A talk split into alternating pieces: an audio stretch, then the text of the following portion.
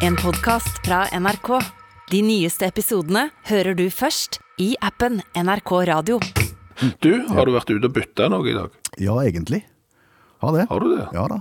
Jeg trenger ikke bytte noen ting. Jeg er fornøyd med alle sokkene jeg har fått. Det var en liten bom på livvidden på buksa mi. Skal, Å ja. skal ikke si hva for en vei. Nei, nei, men nå har du indikert hva for en vei, så den, så den er, er, er grei.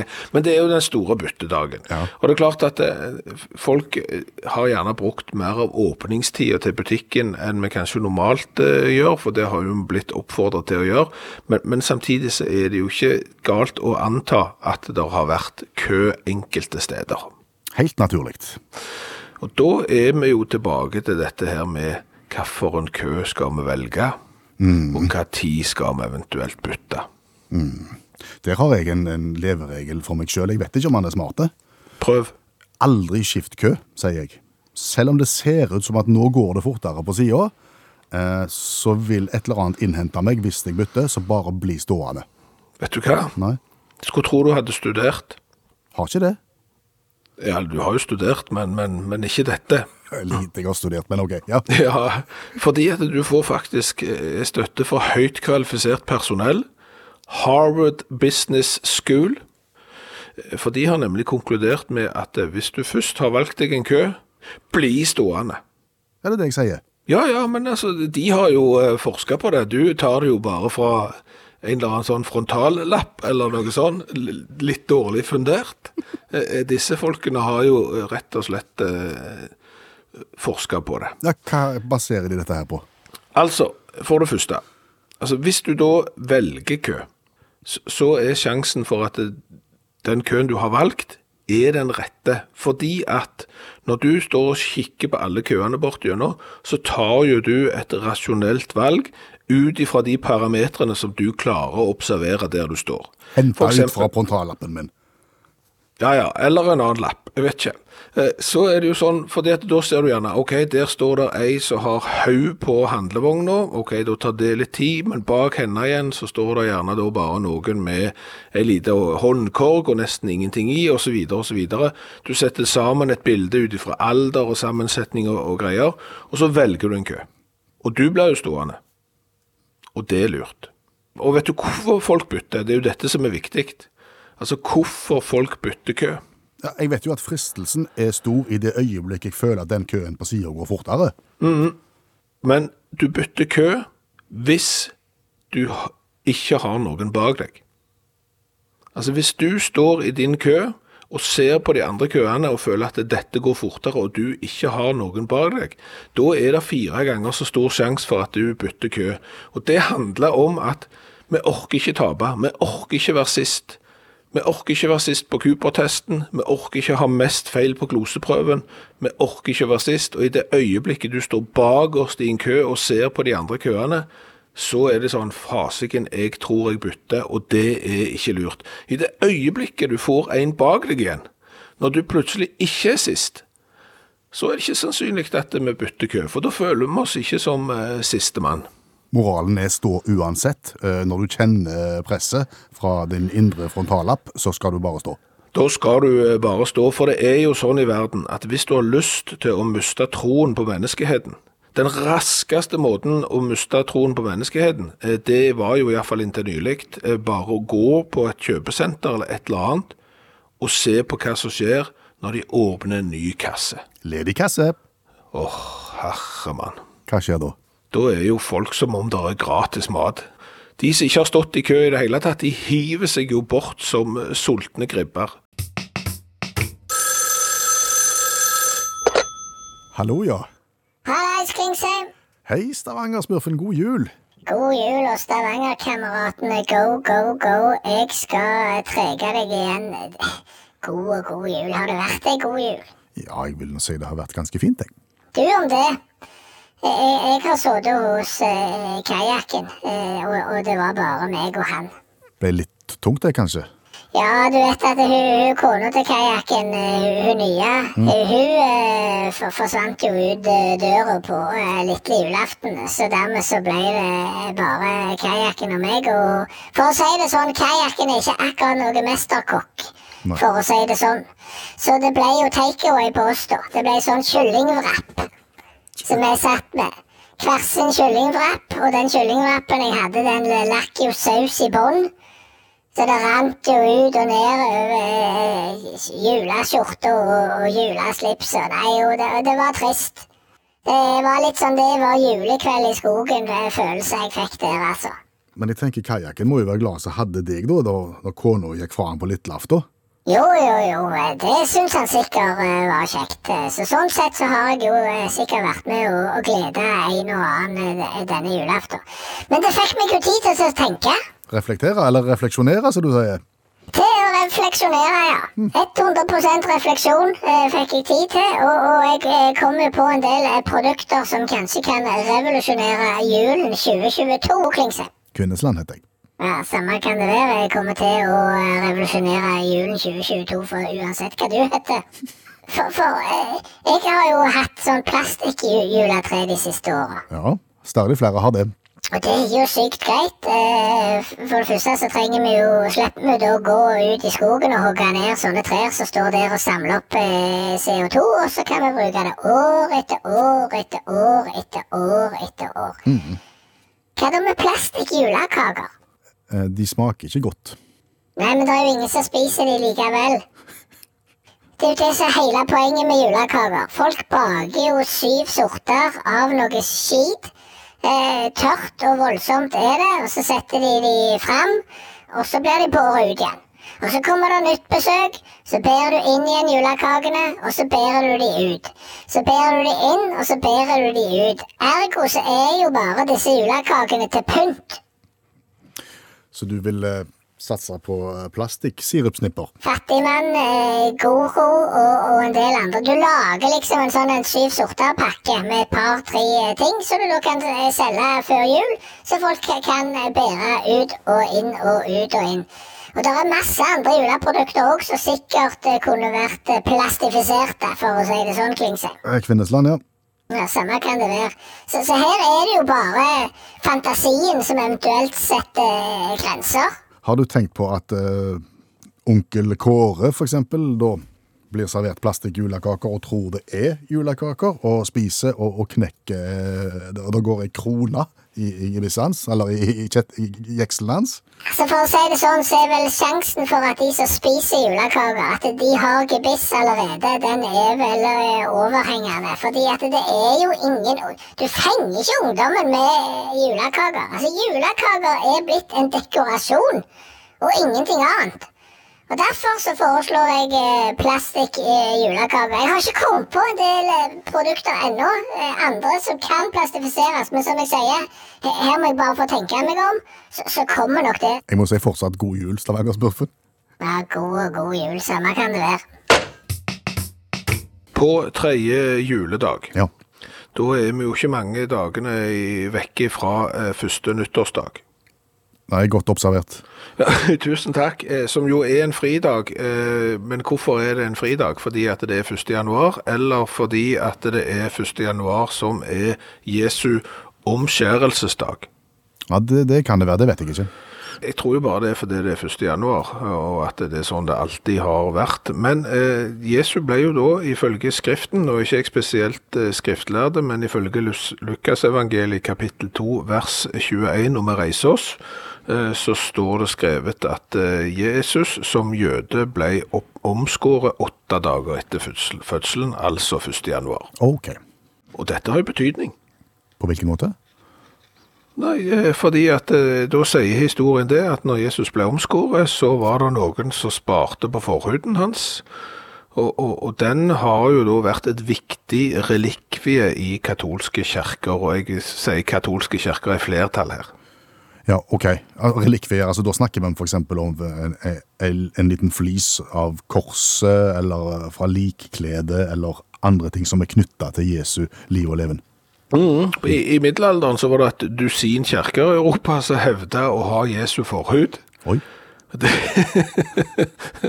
jeg vet ikke jeg om de hadde delt eller Slutt nå. tolv. Det kan ikke være mye igjen, men, men det er jo litt rart. Og, og, og Karl den store, eh, han eh, skal visstnok da ha gitt paven i Roma i år 799 eh, en feiende flott eh, gave, nemlig Jesu forhud. Oh ja. Så da er han i, i Vatikanet, da? Nei, eh, han er ikke det. eh, Fordi at i 1527 eh, så ble Roma plundra. og, og da stjal de òg en hel haug med relikvier fra den katolske kirka, inklusiv Jesu forhud. Så er, tenker du kanskje at der stopper den historien, den er borte vekk. Eh, Men 30 år etterpå, eh, altså sånn cirka i 1557, så dukker da eh, Jesu forhud Det er vondt å si det. ja, Håper du snart er ferdig nå. Ja, kanskje. Eh, Den dukker da opp i en by som heter Kalkata. Og, og det som var så kjekt for de, de hadde òg biter av korset til Jesus. Så de hadde jo en feiende flott sånn relikviesamling. Som de da var så stolte av at eh, på 1. januar, når du hadde Jesu omskjærelsesdag, eh, så gikk de i prosesjon og viste fram eh, dette her. Og det har de gjort helt fram til i dag?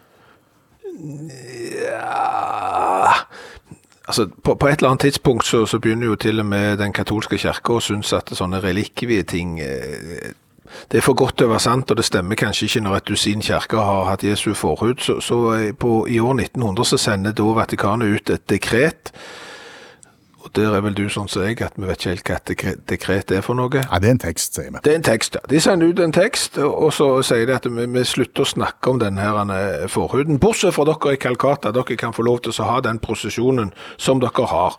Og så fortsetter de med det ja. fram til 1983. Eh, da planlegger de en feiende flott eh, 1. januar-prosesjon med forhud og kors. Og så er forhuden vekk. Nei, igjen.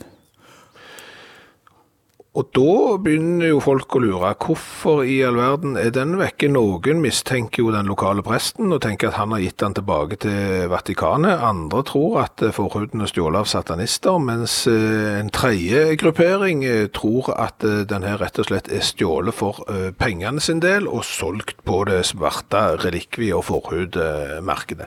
Så, så, så den her, dette her mysteriet her er, så vidt jeg kjenner til, per dags dato ikke løst. Nå er vi ferdige. Absolutt. 2021 var det året vi hadde gjenåpningsfest. Ja. Eh, Men vips, så eh, ble det jo eh, karantener og nye regler. Og, hvis du syns at jula di har vært litt kjipe fordi at du bare fikk lov til å ha ti gjester fordi du hadde brukt opp de 20 gjestene på et annet juleselskap du skulle ha, så, så er jo det forståelig. Mm. Mange har kanskje hatt ei litt stussligere jul enn de hadde tenkt. Men så er vi jo i dette programmet her opptatt av eh, perspektiv, og da kaller vi gjerne inn allmennlærer med to vekttall i musikk, Olav Hove. Og hvis vi sier vi har hatt ei litt kjipe jul, har vi nå egentlig det? Nei, da er det viktig med perspektiv. Og da eh, har, vi, har jeg søkt meg inn i, eh, i databasen til konsumersikkerhetsbyrået i USA, som fører statistikk over ulykker i juli. Jeg tenkte kanskje hvis vi ja, tar en runde på ulykker som har skjedd de siste julene rundt i, i Amerika, så kanskje vi kan føle oss lite grann bedre, da. De forska på her mellom 2008 og 2017, og da var det 362 000 julerelaterte skader i USA. Og så har de videreført det, og det er kjekt at de gjør. altså Skrevet i et voldsomt eh, byråkratisk, eh, forsiktig språk, men masse gøy, altså. Fortell. Ja, 2018 var det 15 som ble innlagde etter skader relatert til det å vatne juletre. Det var alt fra lumbago til elektrosjokk.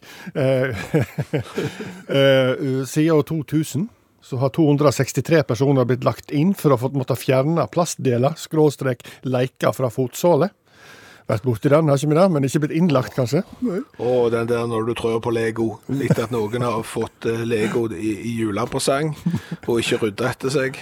Åh, det er vondt. Og da er det den der når du trør på Lego og må på sykehus og opererer den ut av fotsålen. I 2020 så ble tre personer innlagt grunnet radiostyrte biler ute av kontroll. Rundt 2018-2019 kom det et helt nytt segment, og i 2019 så pådro åtte personer seg bruddskader pga. innendørs testing av drone. Jeg det. Eh, I 2020 fikk 52 personer legehjelp eller assistanse for å ha brukt kniv istedenfor skrutrekker. Han kjenner vi igjen. I 2012 fikk 108 personer, eh, eh, måtte 108 personer søke hjelp eller innrapporterte skader etter ikke ha fått fjerna nåler etter de tok på seg skjortene. Og de siste ti år så har 12 personer blitt innlagt pga. rektalskader som følge av fall på gullbasert julepynt. De skriver utrolig flott språk i den rapporten. altså. Der fikk jeg bilder i hodet som jeg ikke ville ha. Ja, ikke sant? Og så har du, har, du, har du et kapittel som er verdt å lese. Det heter De unike. Det er de skadene som kun én person har opplevd. da. Fortell. Ja, I 2013 så fikk en 23 år gammel mann i Milwaukee han ble eh, innlagt på sykehus. I rapporten så står det at han rei på en flyttbar TV, trefte mor i bærende på kalk kalk kalkun, mista kontrollen, velta juletreet og pådro seg, pådro seg kuttskader fra juleornament. Av en eller annen grunn så var det bare én mann som opplevde akkurat det. Han opplevde òg bakrus, tror jeg. Ehm, når det er sagt. Det finnes noen ekstreme mørketall, tror jeg, og det er helst eh, og det er i kategorien middelaldrende menn i segmentet opphenging og eksperimentering med juletrelys. Det var bare 2300 skader på det i fjor. Og det er menn som er mest utsatt, og da kan vi eksemplifisere til slutt. I 2016 så fikk mann 52 fra Ohio fikk rambokniv, sikkert av kona si, og klarte å stikke seg betydelig i leggen når han brukte kniven til å åpne et førstehjelpsskrin. Altså hell i uhell der, altså. I, Sånn. I leggen. Så håper vi føler oss litt bedre. Takk skal du ha. Godt med perspektiv. Allmennlærer med to vekttall i musikk. Olav Hove.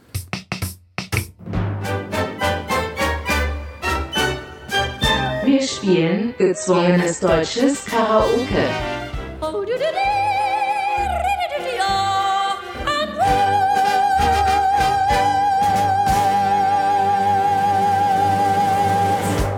Og der kom den vignetten, og i dag er det din tur. Ja, tvungen tysk karaoke, men i dag er julespesial, hvis jeg har forstått deg rett.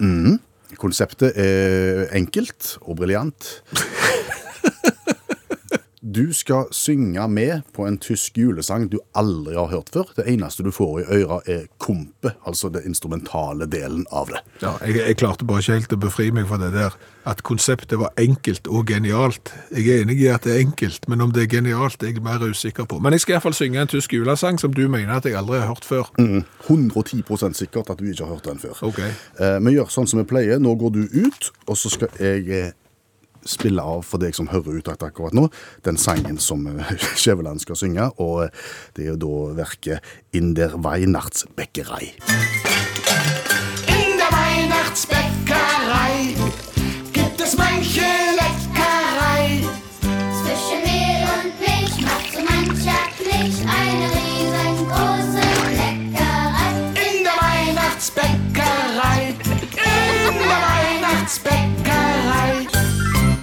Ja, Sånn høres da Rolf Sukowski sitt eh, verk ut. Rolf Sukowski, ja, som har skrevet sangen, Kjevla. Eh, berømt komponist av barnesanger. Ok. Så det er en barnejulesang. Ja. eh, skrevet i 1987. Han hadde spilt konsert i Bochum og satt eh, på parkeringsplassen og ringte hjem til familien, og så hører han at der holder de på å bake kaker, og liksom det er sånn julebakeriaktivitet pågående. Bake, bake, bake, bake. Litt sånn, det blir han inspirert av.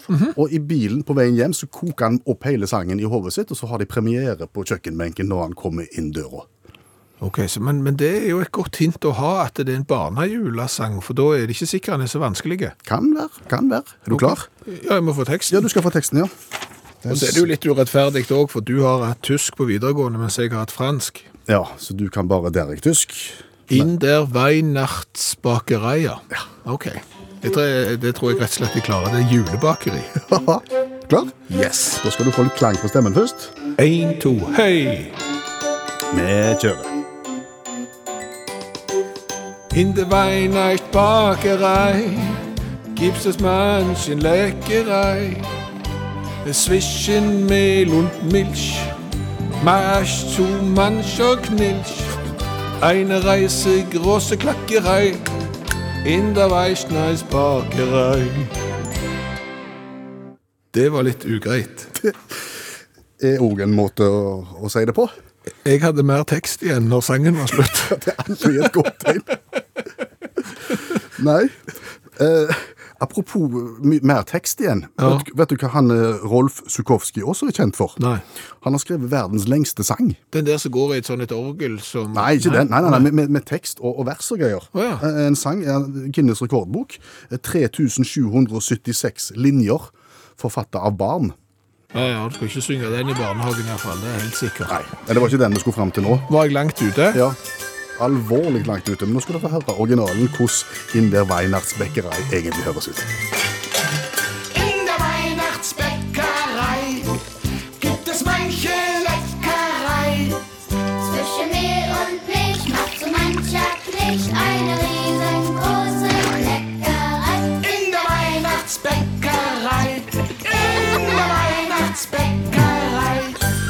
Marginalt annerledes var det jeg hadde lagt. Ja, det, det er nesten så nært opp til originalen som det går Nei, an. jeg syns Det er ikke det. Nei. det var krise. Jeg tenker kanskje det er nok eh, tvungen tysk karaoke nå. Eh, hvis ikke folk stiller seg på barrikaden og roper 'Vi vil ha mer', eller hva ble det på tysk? 'Vi vil mer haben', så, så kan vi godt legge den her.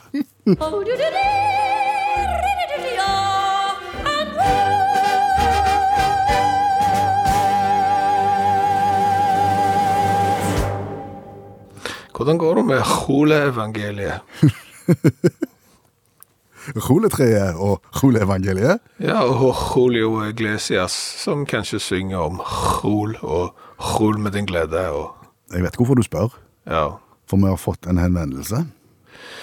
ja, fordi at eh, tidligere når det har eh, vært eh, både ho- og Jul og Jul likevel, eh, så har vi jo gjerne funnet en Jeg kan gjerne slutte å si det nå. Ja, gjør det. julevits, eh, som har bedt en eh, spansk datamaskinstemme om å lese opp. Og da får du jo, med en gang du sier jul, så får du en litt sånn jul. Ja. Det begynte jo med at vi fikk datamaskinstemmen til bare å lese en vanlig norsk julevits for å se om det var gøy for lenge siden, og det var ikke spesielt gøy. Men så la vi til spanjolen. Ja, og det er jo da det begynner å bli gøy, for selv uansett hvor dårlig vitsen er, så, så blir han litt gøy når han havner på en litt sånn eh, spansk datamaskinstemme, og så blir han jo, synes vi, eh, og heldigvis eh, synes folk også det, siden de etterspør om vi har funnet en ny julevits, han blir gøyere når det er ordet rul inni der. Nå har du skrudd opp forventningene noe helt voldsomt, men nå skal vi da ta, ta en plane på norsk, sånn som vitsen egentlig høres ut. Det var jul og dommeren var i godt humør da han spurte fyren foran ham, hva er du siktet for? Jeg gjorde min julehandel for tidlig, svarte fyren. Dommer, det er da ingen lovbrudd. Hvor tidlig gjorde du denne julishoppen? Før butikken åpnet, svarte fyren. Ja, Den er ikke god, sa du. Den, den, er, den er ikke god, og, og han er relativt forutsigbar. Jeg, jeg tror sånn åtte av ti hadde gjetta utfallet på denne vitsen hvis de hadde fått lov til å lese den. Ja. Men så tar man på spansk-norsk. Det var var i god da han spurte fyren foran ham. HVA er du siktet for? Jeg gjorde min hulehandel for tidlig, svarte fyren. Dommer, det er da ingen lovbrudd. HVOR tidlig gjorde du denne?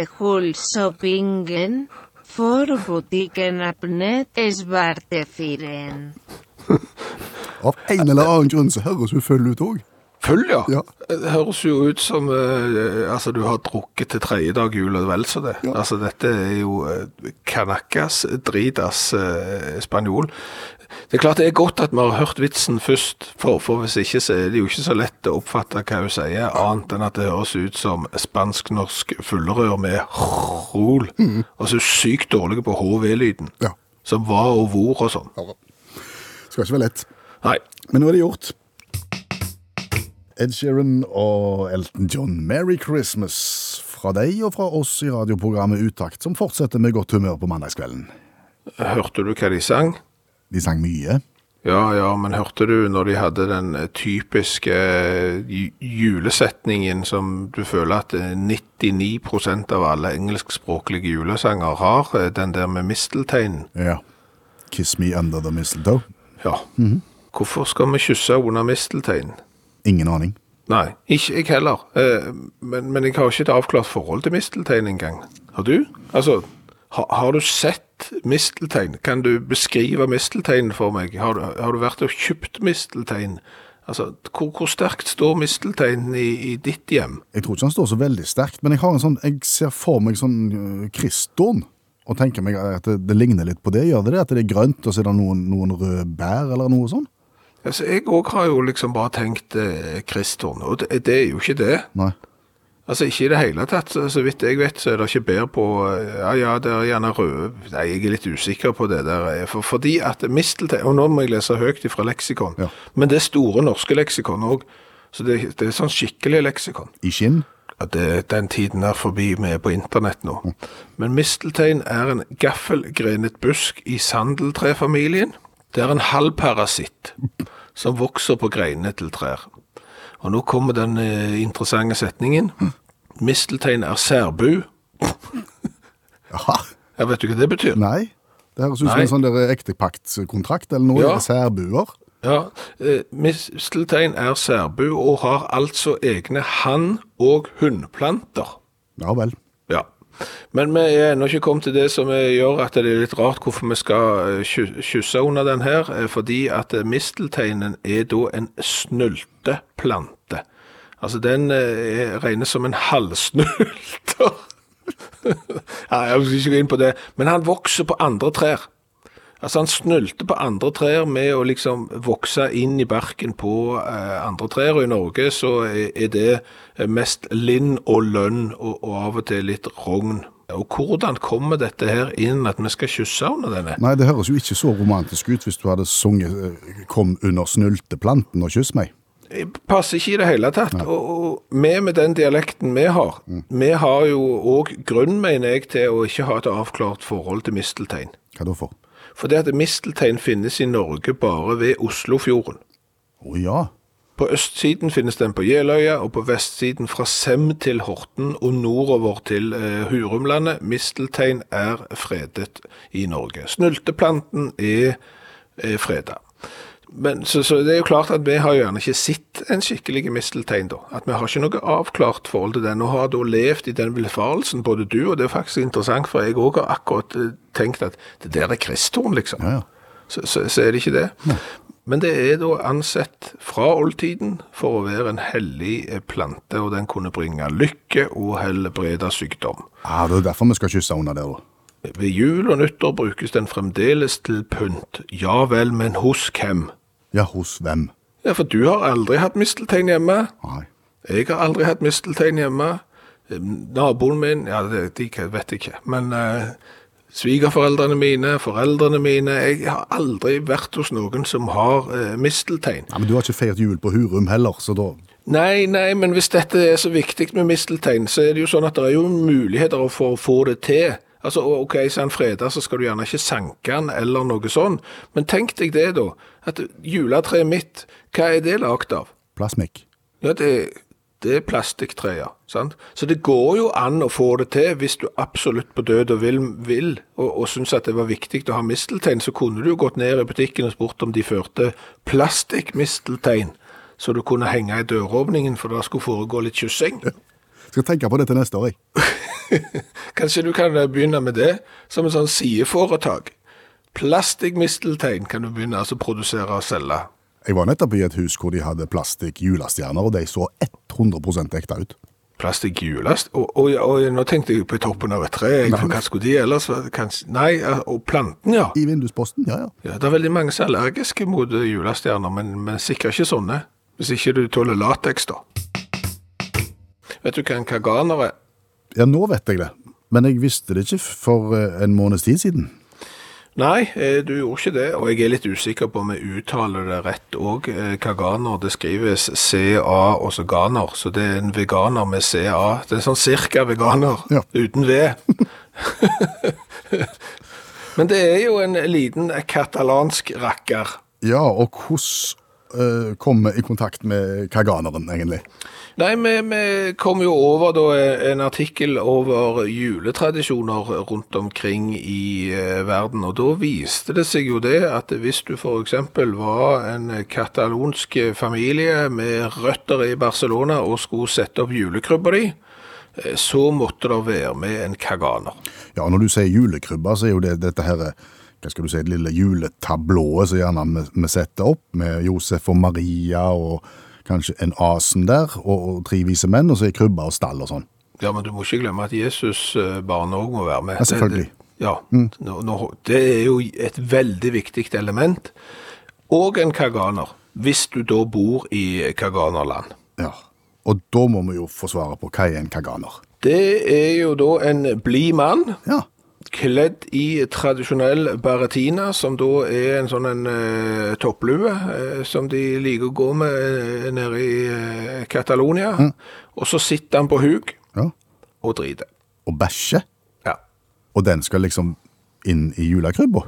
Ja, og, og det er litt vanskelig å forstå hvorfor, og jeg tror ikke jeg forstår hvorfor heller når jeg har prøvd å lese meg opp eh, til eh, hvorfor. Men altså denne her figuren her, denne her huk-sittende mannen med topplue, eh, som sitter og eh, bæsjer, dukka opp i katalanske julekrybber på slutten av 1600-tallet. Oi, det er gammelt.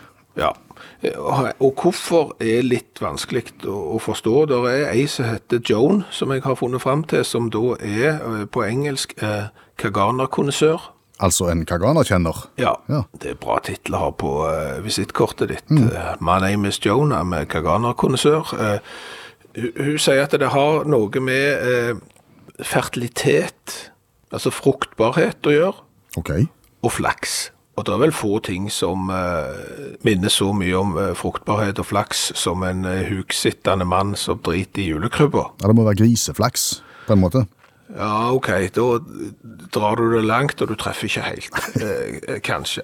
Men, men så når de da hadde fått inn den her eh, kaganeren i julekrybba på slutten av eh, 1600-tallet, så, så var han, han tok ikke av med en gang.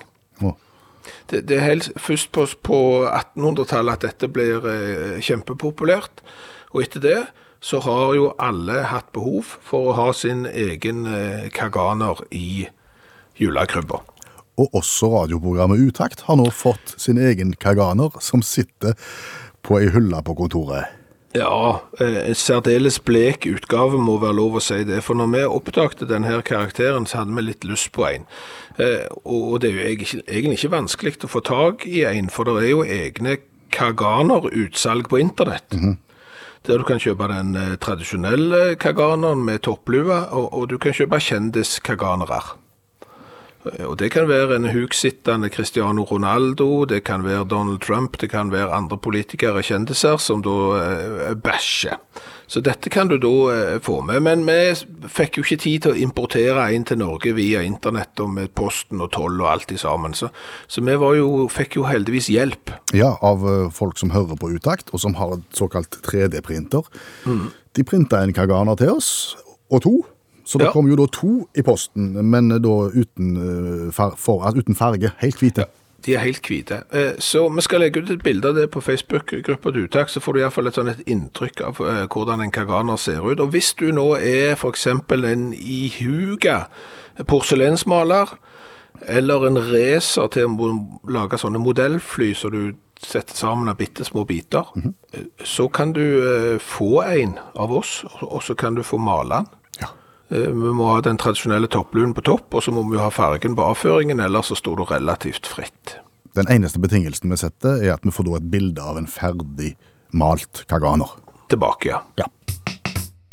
Denne jula her er jo en katastrofe eh, sånn fridagsmessig.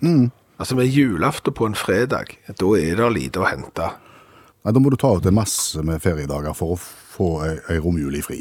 Ja, og i tillegg så har vi jo hørt det i år at det er overbelastninger i helsevesen, det er personalmangel på, på sykehjem og så videre, sånn at det er folk som har søkt om fri og fått fri, får ikke fri likevel og, og må tilbake på jobb. Så her er det grunn til å syte og klage. Men uh, allmennlærer med to vekttall i musikk, Olav Hove, er det noe vi kan tenke på når vi syns det røyner på med litt mye jobbing denne jula? Går det an å gi oss et perspektiv her? Ja, det er én ting du skal tenke på hvis du syns det er kjipt. Og Da skal du tenke på at jeg er i hvert fall ikke Gina Paula Serna. Gina Paula Serna. Ja, Colombiansk biolog og veterinær som er leder for et litt spesielt oppdrag. Oh. Jeg vet ikke om de kjenner jo til Pablo Escobar. Narkokongen. Narkokongen ja, hadde ganske store inntekter, skatta lite og brukte pe- penger på mye rart. Han bygde bl.a. opp en zoologisk hage på eiendommen sin, Sånn at eh, de medarbeiderne kunne, og gjester kunne oppleve dyr. Han kjøpte inn sjiraffer, løve og, og, og blant annet fire flodhester. Oh, ja. Ja, og litt forskjellig, da, og sikkert pungrotte og gud veit da. Eh, Så ble jo han drept av politiet i 93, og så kom eh, colombianske myndigheter inn og fikk omplassert disse her dyra, da. Og Det gikk ganske greit å få sjiraffer sendt med til, til, eh, til, til dyrehager rundt omkring i Sør-Amerika, men de fire flodhestene, de klarte ikke å gjøre noe med. Det er rart med det 1,6 tonn med eitrende forbanna kjøtt. Det er, det er ikke noe særlig. Så, så de ble gående, da. Og, og brøt seg ut etter hvert. Og Colombia er jo et paradis for flodhest. Så de har formeret seg meget. Men, men er det eh, egentlig eh, flodhest der, eller er det, det, er kun disse fire? Ja, det, ikke, det har jo ikke naturlig til i, i, i colombiansk fauna. Og det er klart, vi klager vel på mink, som er 200 gram og bor i steiner. Her kan du tenke deg da kjøttlass som 90 av tiden er rasende, og resterende tid er mektig irriterte. Så det er klart, det er ikke all verden å ha. Så da er det blitt bestemt da, selvfølgelig at ikke de skal skyte disse her. Eh, For nå er det blitt mellom 90 og 120. Og, og de eh, tar opp en del plass. Et en del, lager en del jævelskap, fortrenger en del kyr fra beitemarker og sånne ting. Så nå har de bestemt at de skal da, de skal da kastrere. Oi, og det er her Paula kommer inn. i bildet. Paula kommer inn i bildet. Hun er ansvarlig for, for flodhestkastreringen. Det er, det ikke så vanskelig. skjønner Du Du skal bare gå inn, og så skal du gjøre et lite snitt bak skrotum på, eh, på, på hannflodhesten. Og litt mer avansert på, på, på hoene. Men du skal komme til, vet du. Ja. Sånn? ja det, er, det er rart med det. og det er nokså smertefullt. da. Så, og så kan du jo, du kan jo da bedøve det, selvfølgelig. Du trenger en liter vet du, med bedøvelsesmiddel. Og så, så viser det seg det at, at disse her helsikens lodhestene de klarer å spark, sparke voldsomt òg når de er, når de er bedøvde. Eh, Så i løpet av ti år så har de klart å klart å kastrert 28 stykk.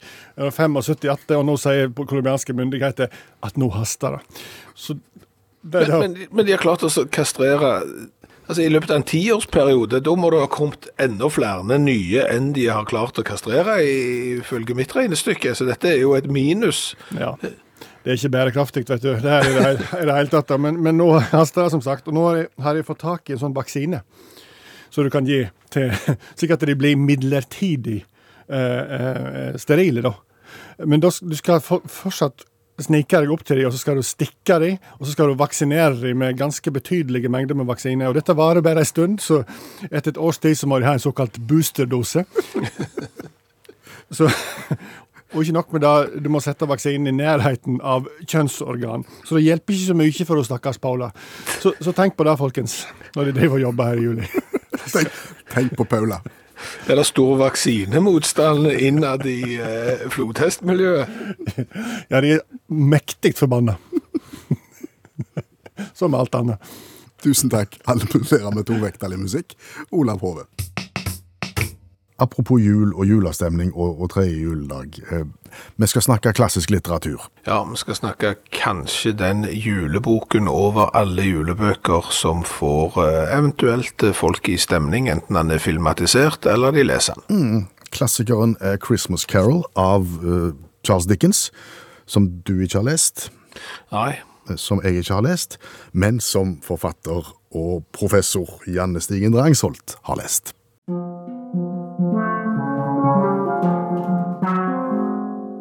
Charles Dickens' A Christmas Carol fra 1843. Ebenezer Scrooge. Bah, humbug. Du skal jobbe i 38 timer på julaften i et iskaldt rom og like det. Spøkelse. Ebenezer Scrooge. Tre spøkelser vil komme for å fortelle deg at du er slem. Tre spøkelser. Du er slem, Ebenezer Scrooge. Ebenezer Scrooge. Jeg har sett lyset. La oss danse i gatene. Her er litt penger. Det blir avansert for meg. Ja, de lagde liksom et lite drama av oppsummeringen. Men denne her historien her, Christmas Carol, er filmatisert ca. 750 000 ganger. Alt fra tegnefilm til Bill Murray, Ja. som jeg ikke vil anbefale, den er utrolig gørr. Men eh, det er, eh, det er en utrolig godt kjent eh, historie.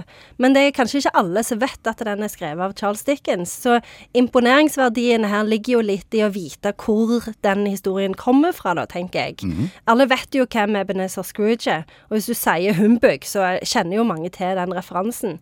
Jeg har ikke sett film, ikke lest bok, forsto ikke helt hva det handler om. Nei, det som han handler om, det er at Ebenezer Scrooge, han er veldig rik og veldig sur og veldig gjerrig. Og så utnytter han alle sine ansatte, men så får han besøk av tre spøkelser, The Ghosts of Christmas Past, som kommer til han og sier du er skikkelig slem og gjerrig, og du må skjerpe deg. Hvis ikke, så kommer det til å gå ille med deg når du er død. Da må han bære rundt på noen sånne tunge lenker. Og eh, Ebenezer Scrooge blir veldig redd og bestemmer seg for å bli snill og får det mye bedre.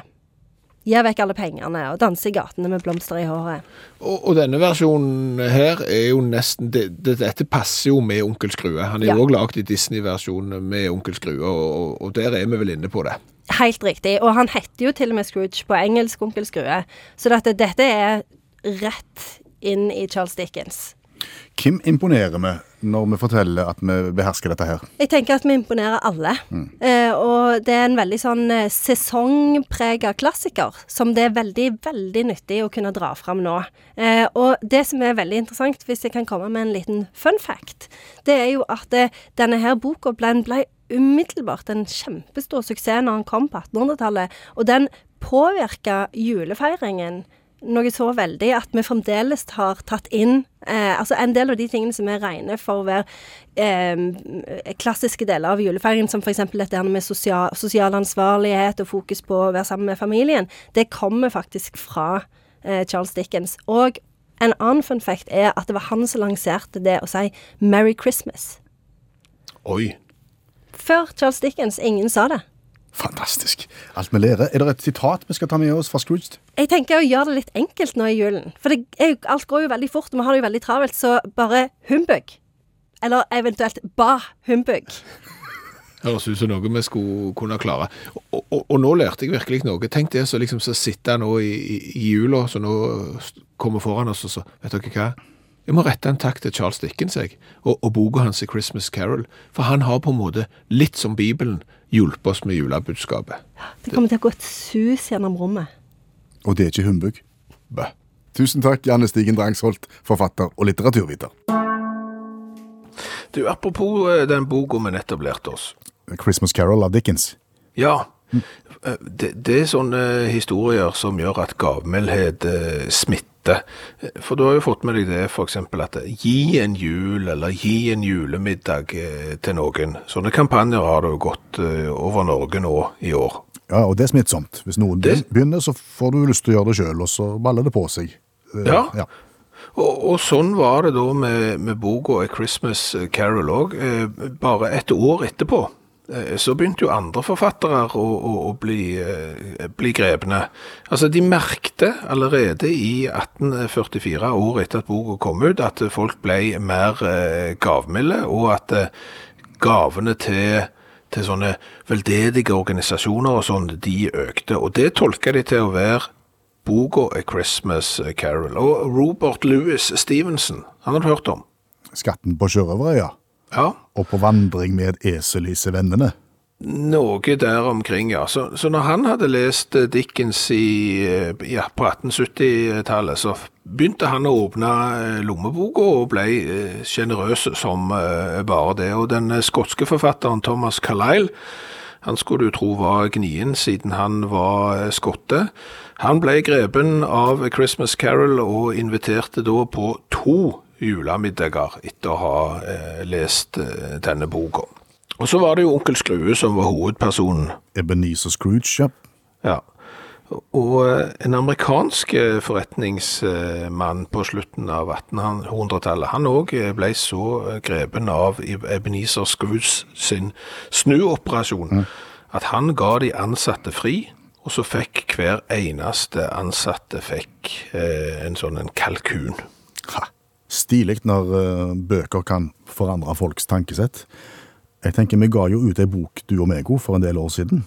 Den forandrer ingen tankesett i det hele tatt, og det, det var ei bok som solgte kolossalt. lite. Tidligere i programmet så var vi jo innom eh, Kaganoen. Ja, den eh, lille rakkeren med topphua som sitter og gjør sitt fornødne i julekrybber i, i Catalonia. Ja, det stemmer. Og, og den informasjonen der fant jo vi på, på internett. Og den stolte vi på. Ja, blindt. Har, det vist seg at eh, vi har bomma nå? Nei, eh, faktisk ikke. Fordi at eh, dette er jo faktisk en juletradisjon i området rundt Barcelona. Men jeg tror vi må være kritiske til juletradisjoner som vi finner ute på internett. Er det noen som tøyser med oss der ute, tenker du?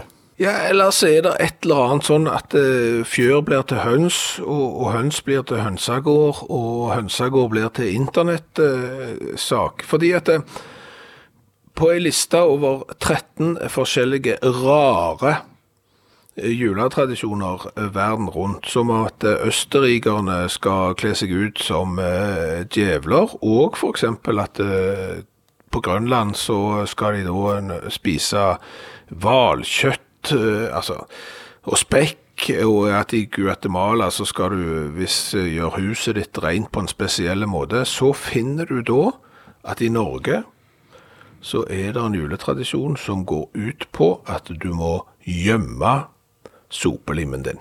Den har ikke jeg hørt om. Nei, ikke jeg heller, og jeg er jo norsk. I, i ente generasjon.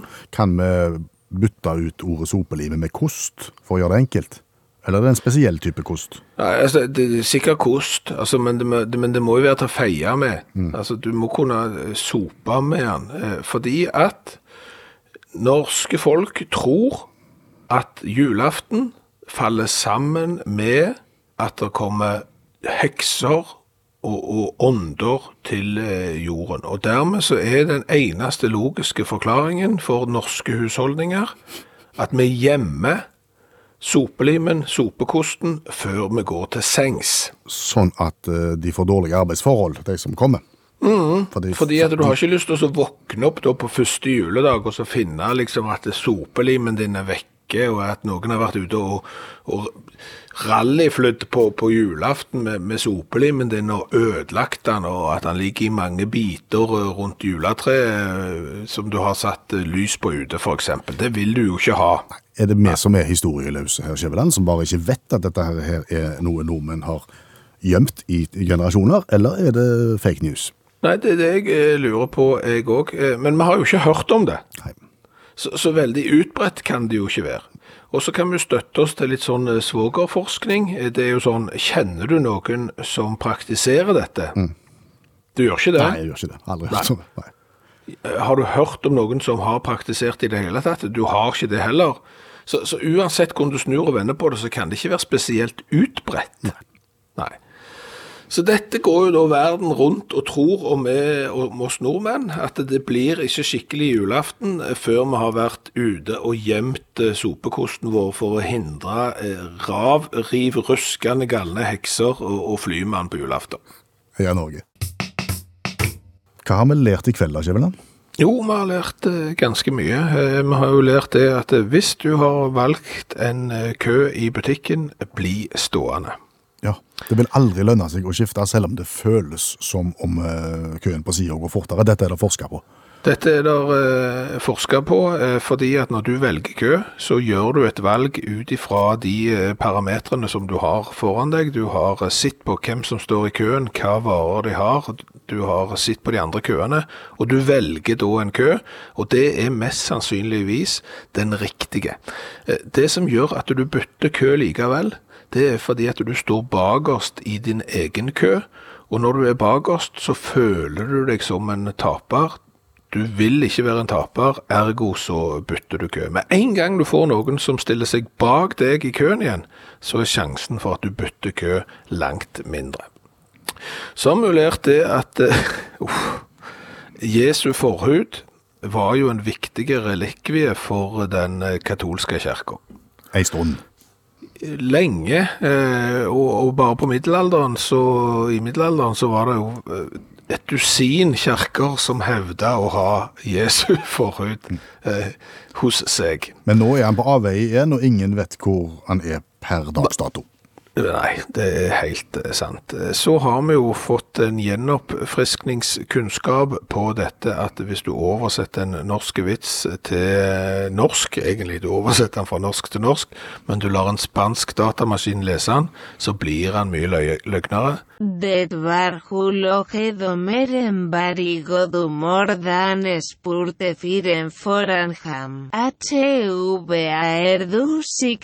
For? Jeg de min hulehandel for tidlig, svarte fyren.